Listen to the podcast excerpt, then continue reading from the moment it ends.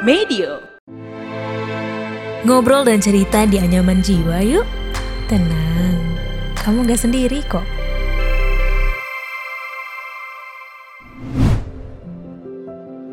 Kadang-kadang aku ngerasa aku ada kewajiban untuk menyenangkan semua orang di sekitarku.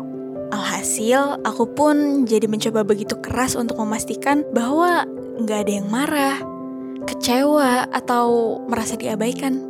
Seolah-olah kebahagiaan mereka adalah tanggung jawab yang harus kujaga. Aku sadar kalau ingin menyenangkan orang lain itu wajar. Kita semua ingin diterima dan dihargai di lingkungan kita. Tapi rasanya aku nggak bisa berhenti belajar untuk mengorbankan diri sendiri demi orang lain. Karena aku lebih takut kalau orang lain akan kecewa. Padahal ketika aku berusaha keras untuk menyenangkan orang lain, sering kali aku ngerasa seperti kehilangan diriku sendiri. Berpura-pura nggak kenapa-napa, padahal fisik dan emosi tersiksa. Tapi seiring berjalannya waktu, aku mulai belajar bahwa nggak mungkin aku dapat memuaskan semua orang. Aku belajar bahwa aku punya hak untuk memprioritaskan diriku sendiri, dan itu bukan bentuk dari egois. Tapi belajar setting boundaries, and it is an act of self-love. Karena bagaimana bisa aku membantu orang lain kalau aku saja tidak bisa membantu diriku sendiri? Atau sedang dalam kondisi yang tidak baik-baik saja. Makanya, aku perlahan mulai mencoba bersikap tegas dengan memberi batas yang jelas terutama jika aku merasa permintaan mereka bisa merugikan diriku.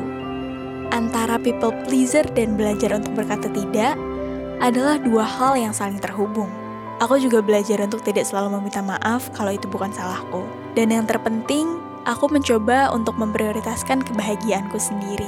Aku mulai belajar untuk alokasikan lebih banyak waktu untuk improve diriku sendiri dengan melakukan hal-hal yang selama ini aku inginkan. Tapi terkendala karena aku selalu memprioritaskan keinginan orang lain. Tapi itu sebenarnya bukan kebutuhanku. Aku paham kalau itu semua adalah proses belajar dan bertumbuh. Sampai saat ini pun, aku juga masih mencoba mencari keseimbangan antara menghargai keinginan orang lain tanpa mengorbankan kebutuhan diriku. Dan aku rasa ini adalah proses umur hidup. Seperti kata pepatah, every person has its season. Dan there might be a new us in every season too.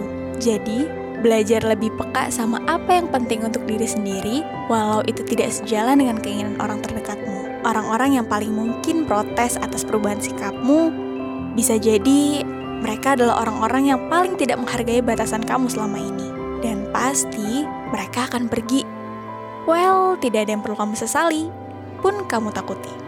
Now it's your time to embrace what makes you feel content and leave things that aren't serving your purpose anymore. Ingat bahwa kamu adalah pribadi yang berharga dan punya hak untuk mencintai dirimu sendiri. Udah selesai episode kali ini. Tungguin episode Anyaman Jiwa selanjutnya ya.